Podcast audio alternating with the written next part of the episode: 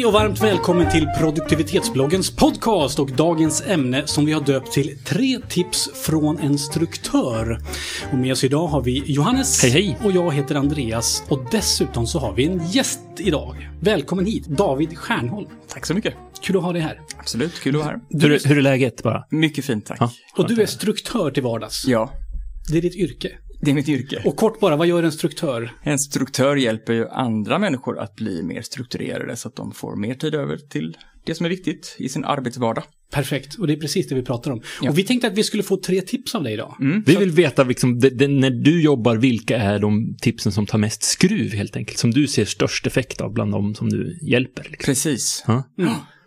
Tips nummer ett. Tips nummer ett, då går vi Rakt rakt, på på, Rakt på, eh, pang på rödbetan. Ja. Ja, men alltså eh, det som jag upplever att de flesta behöver finslipa, det är ju några olika aspekter av det här med att göra uppgifter, alltså att hålla koll på det vi har att göra i smått. Och i stort också för den delen.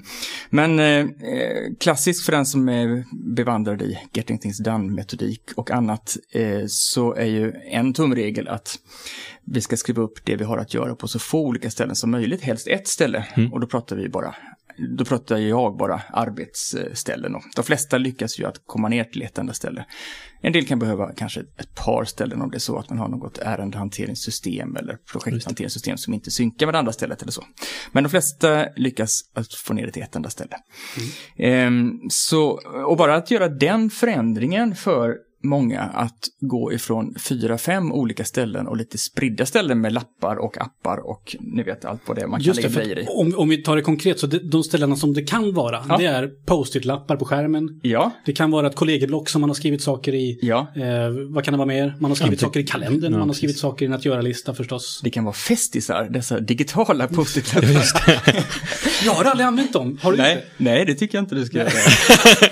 Eh, det kan vara eh, mailboxen. Man Ja, kan visst. säga så här att ja, men det som ligger kvar i min mailbox, det är det jag ännu inte har gjort. Just det. Mm. Eller man kan, man, man kan flagga mail med röda flaggor eller gula stjärnor eller etiketter. Just det. Man kan markera mail som olästa fast man har läst dem så man kan läsa dem sen igen. Så, Och man kan, man kan be andra påminna om att de ska göra någonting. Just det. Man kan lägga saker överst. Just det. Man ska, så ditt tips är att sluta med allt det här? Ja, och ha, ha allting på ett enda ställe? Ja. Eller så få ställen som möjligt åtminstone? Ja, att, att åtminstone att eh, så ofta som möjligt samla ihop till det enda valda stället. Ja. Och vilket ställe man väljer, det är mycket en smaksak. Det beror på hur man, eh, vad man trivs med. En del av oss älskar det digitala som är synkbart åt alla håll. Mm. Andra tycker det är skönt med något som man, man kan hålla i. Och vad använder du? Jag använder Things, Mac-programvara. Just det. Den har precis det man behöver och ingenting mer.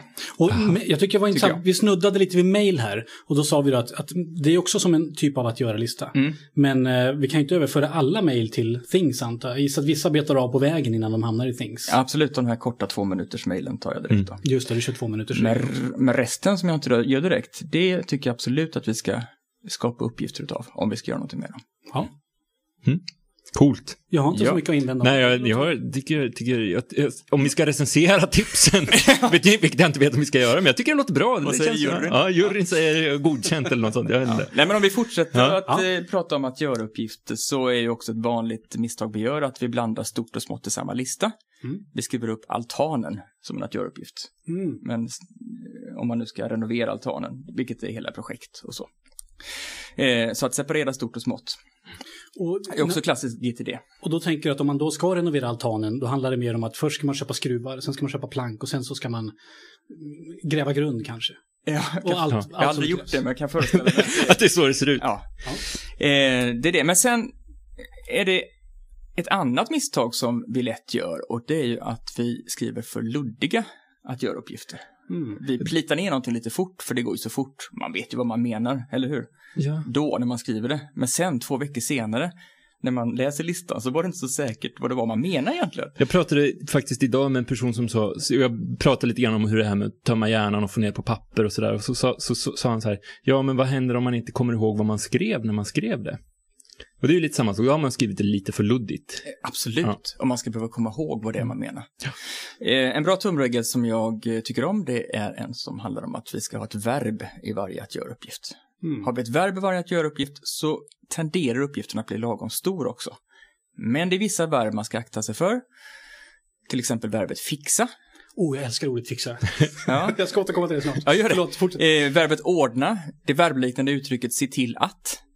Eh, jag fick också lära mig i december utav en säljare att erövra är inget bra verb. Han skulle erövra den engelska marknaden. Okej, ja, den är. Det är, det är ganska stort också, låter det som. Förmodligen. Ja. Ja, just det. Men du gillar att fixa. Jag gillar fixa, för att det kan vara så här, fixa skrivaren, skriver jag. Och vem som helst som läser min att göra-lista har ju ingen aning om vad det betyder. Är det slut på papper? Är den trasig? Borde jag köpa en ny? Eller vad som helst. Ja. Men jag som har skrivit den, när jag läser den så har jag ju lite som ett, vad ska jag kalla det Litet för? hum. Bildminne. Så jag vet precis vad det är för någonting. Och jag förstår din poäng där, två veckor senare har jag glömt bort det, förmodligen. Och ett halvår senare har jag definitivt glömt bort det. Men det går så fort att skriva ner, fixa skrivaren. Och jag vet exakt vad det handlar om. Bra. Och, och jag vet inte, en kombination kanske av att man har en ganska kort att göra-lista, då klarar man det här. Men det, det, jag, jag förstår din poäng och jag håller helt med om det. Egentligen är det dumt, men, men det går väldigt fort att skriva så. Nej, men om det funkar skriva... så funkar det. Ja. Ja. Ja. Jag, jag brukar ha som tumregel när jag skriver mina att göra-listepunkter att skriva dem som om jag instruerar någon som är lite dummare än jag själv. Bra. Alltså så här, ja men det här är någon som inte riktigt har fattat vad det handlar om. Eh, som jag ska liksom i, ett kort, i en kort mening instruera vad, vad det är som ska göras med vad. Jag gillar att ha, ha ett, ett pronomen med också. Ah, Alltså, eh, eller liksom ett substantiv eller ett pronomen med också. Eh, fixa skrivaren var lite kort, men liksom pra, ring eh, Putte om och sen så eh, projektet. Liksom. Ja. Så att projektnamnet finns med i, i att göra listepunkten. ja. För, för om man har digitala system som skär på olika sätt, så när, står det bara ring Putte så vet man inte vad det handlar om. Men Nej. står det ring Putte om skrivaren, då vet man att det finns en person som, det finns ett verb, ett ring, det finns en person, det finns en Putte och det finns en skrivare, det finns ett projekt liksom Mm. som, som det handlar om. Och du kan söka på På, projektnamnet. ja, precis, på också, skrivare. kanske. Så, ja. Mm. Ja, just det. det, det, det, och då, då om jag skulle kunna instruera någon annan om att ringa Putte om skrivaren så, så är det så jag skriver, skriver min att göra-lista också. Vi har haft lite, jag vet inte om vi har haft den här diskussionen här på podcasten eller, eller på annat ställe, men vi har pratat om det här med att om någon annan skulle ta över den här uppgiften. Men jag tänker så här, det är ju ingen annan som går in och läser min att göra-lista, utan jag, i samband med att jag delegerar så formulerar jag ju förstås om det och förmodligen Ah. utökar beskrivningen. Mm. Förstår ni vad jag menar? Ja, visst, absolut. Så att eh, det är bra att skriva bra att göra-listepunkter, men jag är lite på det här spåret att ibland Bättre måste det gå fort. Ja, Ja, men precis. ibland måste Mm. det gå fort alltså. Och då så hinner man kanske inte vara så här perfekt. Och hur gör man då? Ska man... Jag vet att du Johannes gör ju fredagsveckogenomgångar där du skriver Försöker om dina uppgifter så att de blir läsbara. Ja, om, om, de inte, om de inte har blivit gjorda på någon vecka, de har, de har funnits, de ska, de ska göras och de har inte blivit gjorda, då brukar jag ta, ta, ta och formulera om dem. Då tänker jag att det här är, det är något fel. Det är någonting som inte gör att det här är attraktivt. När jag väljer vad jag ska göra, när jag prioriterar vad jag ska göra, då är det här inte attraktivt. Mm. Så då så brukar jag skriva om dem. För att då helt plötsligt så känns uppgiften fräsch och hipp och inne. Liksom. Bra. Eh, Vilken kul grej. Ja. Eh, Så du liksom ökar attraktiviteten. Precis, ja precis. Eh, Ökar fräschören. Ring Putte om skrivan och ha ett trevligt samtal. Ja, men då ser jag ju fram emot Ah. ett trevligt samtal. Och så, Bra. så väljer jag ju oftare det än om, om, om bara stå ring Putte om skrivan. Men, men hur gör du David? Lyckas du skriva liksom bra beskrivningar alltid eller? Nej, jag är ju människa som alla andra. Men, men, eh, eh, ja, men i regel, men alltså visst kan det vara så att jag i hastigheten plitar ner någonting lite fort då, men alltså jag är ju ändå, måste säga att jag har ju gått på smällar så många gånger som handlar om att jag, att det var lite, antingen att jag inte kommer ihåg vad det var jag skulle ringa Putte om Mm. då, och då blir det jobbigt att ringa Putte och fråga vad man vill? Eh, eller att jag inte kommer igång med det. Mm. Eh, för att det är så diffust och det är lättare att ta någonting som är enkelt istället för någonting som är krångligt. Liksom. För just det, då är vi lite tillbaka på den förra punkten också, att då delar man upp det i små Ja, men bitar, faktiskt. så blir det Precis. lättare. precis. Sen en annan aspekt som eh, jag tycker att jag gärna vill lyfta fram, det är det här med deadline, att sätta förfallodatum på uppgift. Eftersom det finns en ruta för förfallodatum i de flesta sådana listsystem så frestas vi att skriva någonting i den rutan. Gissa när vi kommer hinna göra det här. Det. Men i en föränderlig vardag så gissar vi lätt fel. Eller det dyker upp andra saker som har högre prioritet innan den här falldatum kommer. Och rätt snart så har vi då en lista som ser försenad ut men som egentligen inte är det. Den är bara felgissad. Mm. Och efter ett tag, eller eh, det är i alla fall vanligt att en del då tappar sugen efter ett tag. Kan tänka Ja, att ja, men det funkar inte detta, det blir bara rött hela tiden. Ja. Mm. Kan man köra något någon, något listsystem som inte ändrar färg. Som post-it-lappar. Precis. som är är hjulat. Hiskelig tur att de inte ändrar färg. Oh, vad jag älskar att du tar upp det här tipset, för det här har vi faktiskt inte pratat om. Och det- jag håller fullständigt med dig om att har du en att göra-punkt, sätt ingen deadline på den förrän du verkligen har en riktig deadline som någon annan kräver av dig. Ja. För att annars så blir det som du säger en massa fiktiva deadlines och som man inte överhuvudtaget bryr sig om. Och då hur ska blir- man då veta vad som är riktig deadline? Exakt. Då börjar man, då börjar man eh, pilla på den här prio-rutan. Eller prio Ja, just ja. Sätter, sätter man ett utropstecken eller två kanske. Eller sådär. Exakt. Men sen finns det ingen högre prio. Och så får man någonting som är ännu prio. viktigare. Vad gör man då? Då får man leta upp ytterligare ett fält. Och sen har man ett väldigt komplext system. Ja, jag håller, ja, vad bra att du tog upp det. det var, jag håller fullständigt med om det. Inga deadlines om man inte har en riktig deadline. Bra, vad kul. Jag brukar, jag brukar eh, kanske jobba på samma sätt men åt andra hållet och jobba med startdatum istället. Ja. Så saker och ting dyker inte upp i mitt system förrän den dagen som jag tänkte göra det. Men det gör ju att, att imorgon så är ju inte den uppgiften röd. Det står bara att den, den, här, den här har du kunnat börja på igår. Precis. Men vad händer ifall det, du fick en lucka dagen innan du tänkte göra den? Ja, då dyker den ju inte upp. Det är ju ett problem som jag har. Då får du ledigt istället. Uff, Istället för att kunna göra saker. nu hänger inte jag med. Jo, alltså jag menar, om du, du kan ha en helt tom att göra-lista för du vet att imorgon ska jag vara på konferens. Så att du skjutsar allting till tisdagen. Ja, just Så det. det. Ja, ja, Men om konferensen blev inställd på måndagen då? ja. Då står du med en tom, då måste du byta tillbaka. Då kan, man, då kan man smygkika på tisdagen och då ligger man ju helt plötsligt lite före. Det är ju det är ju en ännu skönare känsla. Men då kan du titta på listan ifrån, eller göra ett urval på andra kriterier än Ja, precis. Ja. Ja, visst. De, de, de, försvinner ju inte bara för att jag skjuter upp dem. Ja. Det var det. Sen Ja. har vi nummer två då. Det var långa tips. Ja, Men trevliga tips. Jag tycker Ja. det är bra tips. Ja, tack. Trevligt att höra.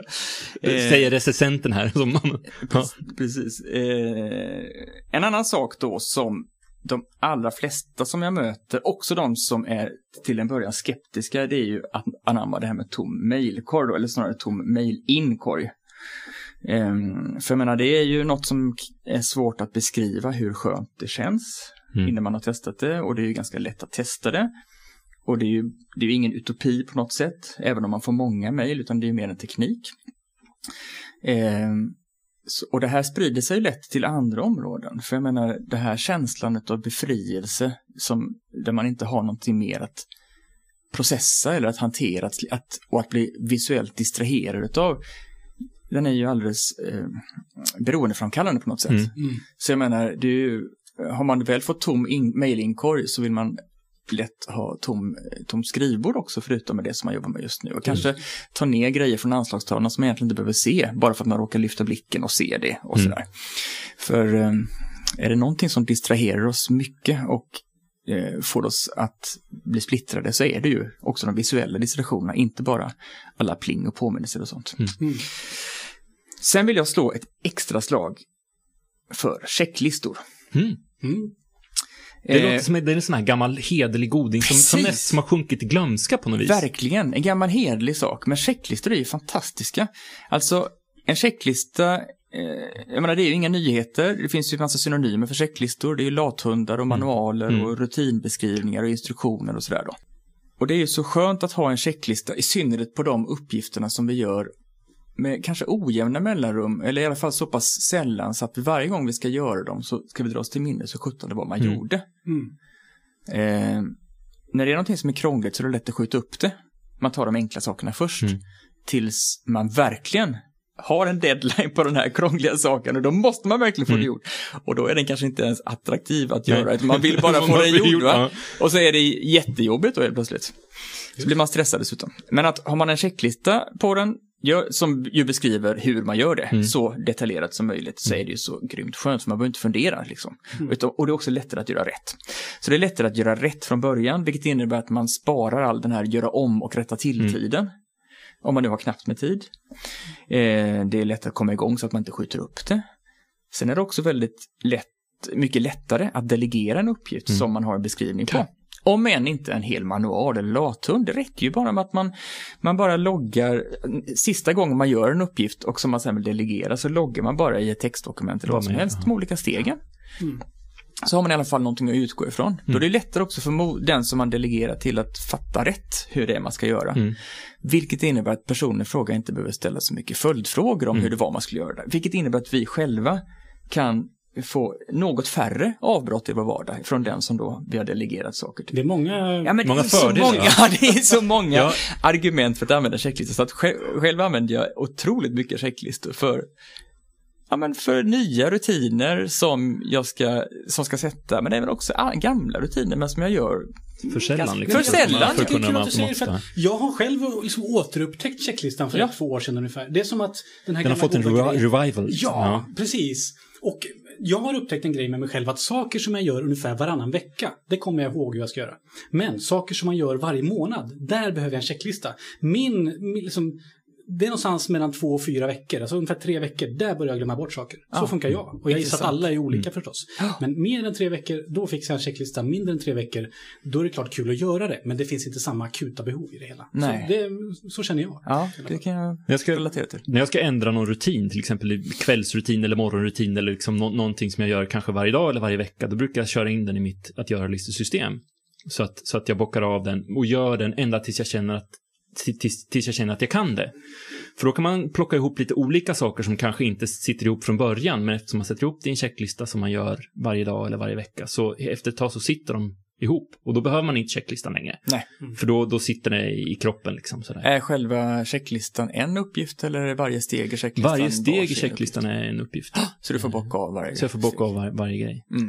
Eh, så. Mm. Och sen så tycker jag det är skitbra tips det där just det, om man, om man har arbetsuppgifter som man kanske delar med någon annan, man gör varannan vecka, eh, är det fantastiskt bra att ha en checklista för då kan man också upptäcka vad var det som gick fel den här veckan? Nu missar vi på den här. Vad ska, vad, hur ska vi förbättra checklistan så att det inte händer igen? Så att, så att liksom sista steget på checklistan är att uppdatera checklistan. Ja, så att man gör det så smidigt, så att det blir så smidigt och lätt som möjligt att göra, göra likadant båda två. men det är ju en bra form, ett bra verktyg för processförbättring egentligen, eller visst, hur? Visst. Och det är lite lean, eh, åt åt lean-tänkhållet, men att man har gjort en standard. Så här gör vi det här, de här arbetsmomenten. Och upptäcker vi en avvikelse så, så förbättrar vi den och sen så, så blir det hela tiden ständiga förbättringar. Precis, då blir det mycket mer konkret än om man bara säger till sig att man ska skärpa sig Ja, och göra bättre ifrån sig. Ja, Men det är exakt. så David, vi är jätteglada för att ha med det här. Vi har fått tre bra tips här. Eh, Det handlar om checklister och så handlar det om tom inkorg och sen så har vi pratat om det här med att göra listor, att det ska vara ett ställe för det. det ska vara, man, ska, man ska inte blanda stort, Stort och och smått, smått. tror jag. man ska ha tydliga uppgifter och, och det här med deadlines ska man se upp med. Ungefär så. Men nu är vi nyfikna på dig också, Ja. David, för du, du är struktör, du är Sveriges enda struktör. Ja, Är är den slogan som du kör med? Ja. Mm. Mm. Och berätta, hur ser din vardag ut? Jo, men min, min vardag är, eh, ser ut som att jag, eh, ja det är också så att jag, jag reser land och rike runt och talar om hur vi kan eh, få mer tid till, till det som är viktigt på jobbet genom att arbeta mer strukturerat. Så jag håller kurser och föreläser och eh, hjälper personer på tu hand också. Hur kom du in på det här egentligen? Hur började det? Ja, det börjar med att jag eh, för eh, 16 år sedan nu eh, märkte högst påtagligt att jag behövde eh, bättre arbetssätt. Jag drev eh, projekt och eh, jag drev fyra projekt samtidigt i fyra län- städer i Skandinavien och reste runt och hade allt i huvudet, gjorde allting på uppstuds. Eh, sprang på eh, Done-boken och tillämpade det i min egen tillvaro och fick en väldig förändring och sen för 11 år sedan jag startade min egen verksamhet så som egentligen handlar om mer strategifrågor och sån konsulting, så märkte jag väldigt fort att mina kunder också behövde Mm. bättre struktur på mikronivå, alltså mikroprocesserna i, i, i allt vad, vad det här heter. Ehm, så, eh, så sen dess har jag, eftersom jag tycker det är så roligt själv och har så mycket behov själv utav en bra struktur eftersom jag är tankspridd Mm. och vill få saker gjort och ha ett, ett njutningsfullt och lätt liv så, eh, så eh, är det vad jag inriktar mig på. Så att de senaste 11 åren så har jag bara hjälpt andra att bli mer strukturerade. Mm. Vad kul! Jätteroligt. Känner du fortfarande att, att, att behovet att, eh, av struktur och organisering fortfarande är stort, lika stort som för, för 11 år sedan? Eller, För min egen del eller Nej, för, för omvärlden? Ja, det de du växer ju. möter. Det växer menar du? Ja, definitivt. På vilket sätt då? Jo, men alltså till exempel om vi pratar inflöden, informationsinflöden, Mm. så blir de bara fler och fler. Jag menar, hur många organisationer har jag inte varit i där man har eh, satt igång då med link eller sån eh, intern chatt för att det funkar inte att mejla längre för folk svarar inte på mejl längre. Mm. Och då börjar man med en ny kanal liksom. Mm. Eh, eh, och och med all den teknikutveckling som vi har och de fina möjligheter till att vara tillgänglig så ställer det bara mer krav eller mer, eh, vi har ju mer behov av att själva definiera hur, vårt arbetssätt Mm. eftersom det kan bli väldigt gränslöst annars. Och de som jag oftast eh, möter då i min vardag och som söker sig till, till mig eller mina föreläsningar eller kurser är ju de som, men som är ambitiösa, som är i karriären och som, som på många olika plan vill vill eh, kunna få en enklare tillvaro såväl i arbetet som också, också naturligtvis har de ett privatliv där de också vill, vill eh, skapa enkelhet. Nu talar jag ju i mitt gebit så talar jag bara om, om arbetslivet men, men eh, mycket av de här metoderna och, så, och det där som, och som ni talar om också i, är ju sånt som går att tillämpa också i privatlivet. Absolut. Kul. Och du har en sajt förstås. Den heter? Den heter stjärnhåll.com eller strukturtips.se, kanske lättare att komma ihåg. Strukturtips.se. Där kan man få, man kan både läsa strukturblogg och få veckobrev och lyssna på min podcast. Just det, för du har också en podcast. Ja, och så kan man skicka frågor till mig för att en gång i månaden så, så eh, svarar jag på frågor i min video. Eh, Mm, frågespalt som heter Ja. Struktur. Mycket vitsigt. Man vill ju veta, man är ju från Göteborg eller? Och eh, för där får man nämligen eh, svar på, konkreta svar på hur, hur man kan göra. Vad kul. Mm. Och vi skickar förstås länkar till det här i, i det inlägget som vi har i samband med den här podcasten. David Stjernholm, kul att du kom. Tack för att du kom. Tack så hjärtligt. Och med oss idag hade vi Johannes, jag heter Andreas och du som lyssnar på det här, jag hoppas att du har haft trevliga minuter och du ska givetvis direkt nu gå in och skicka en fråga till David så kommer han återkomma i struktur. Precis. Det går till. Härligt. Vad bra! Det här var produktivitetsbloggens podcast. Vi hörs igen nästa vecka. Ha en bra dag. Hej då!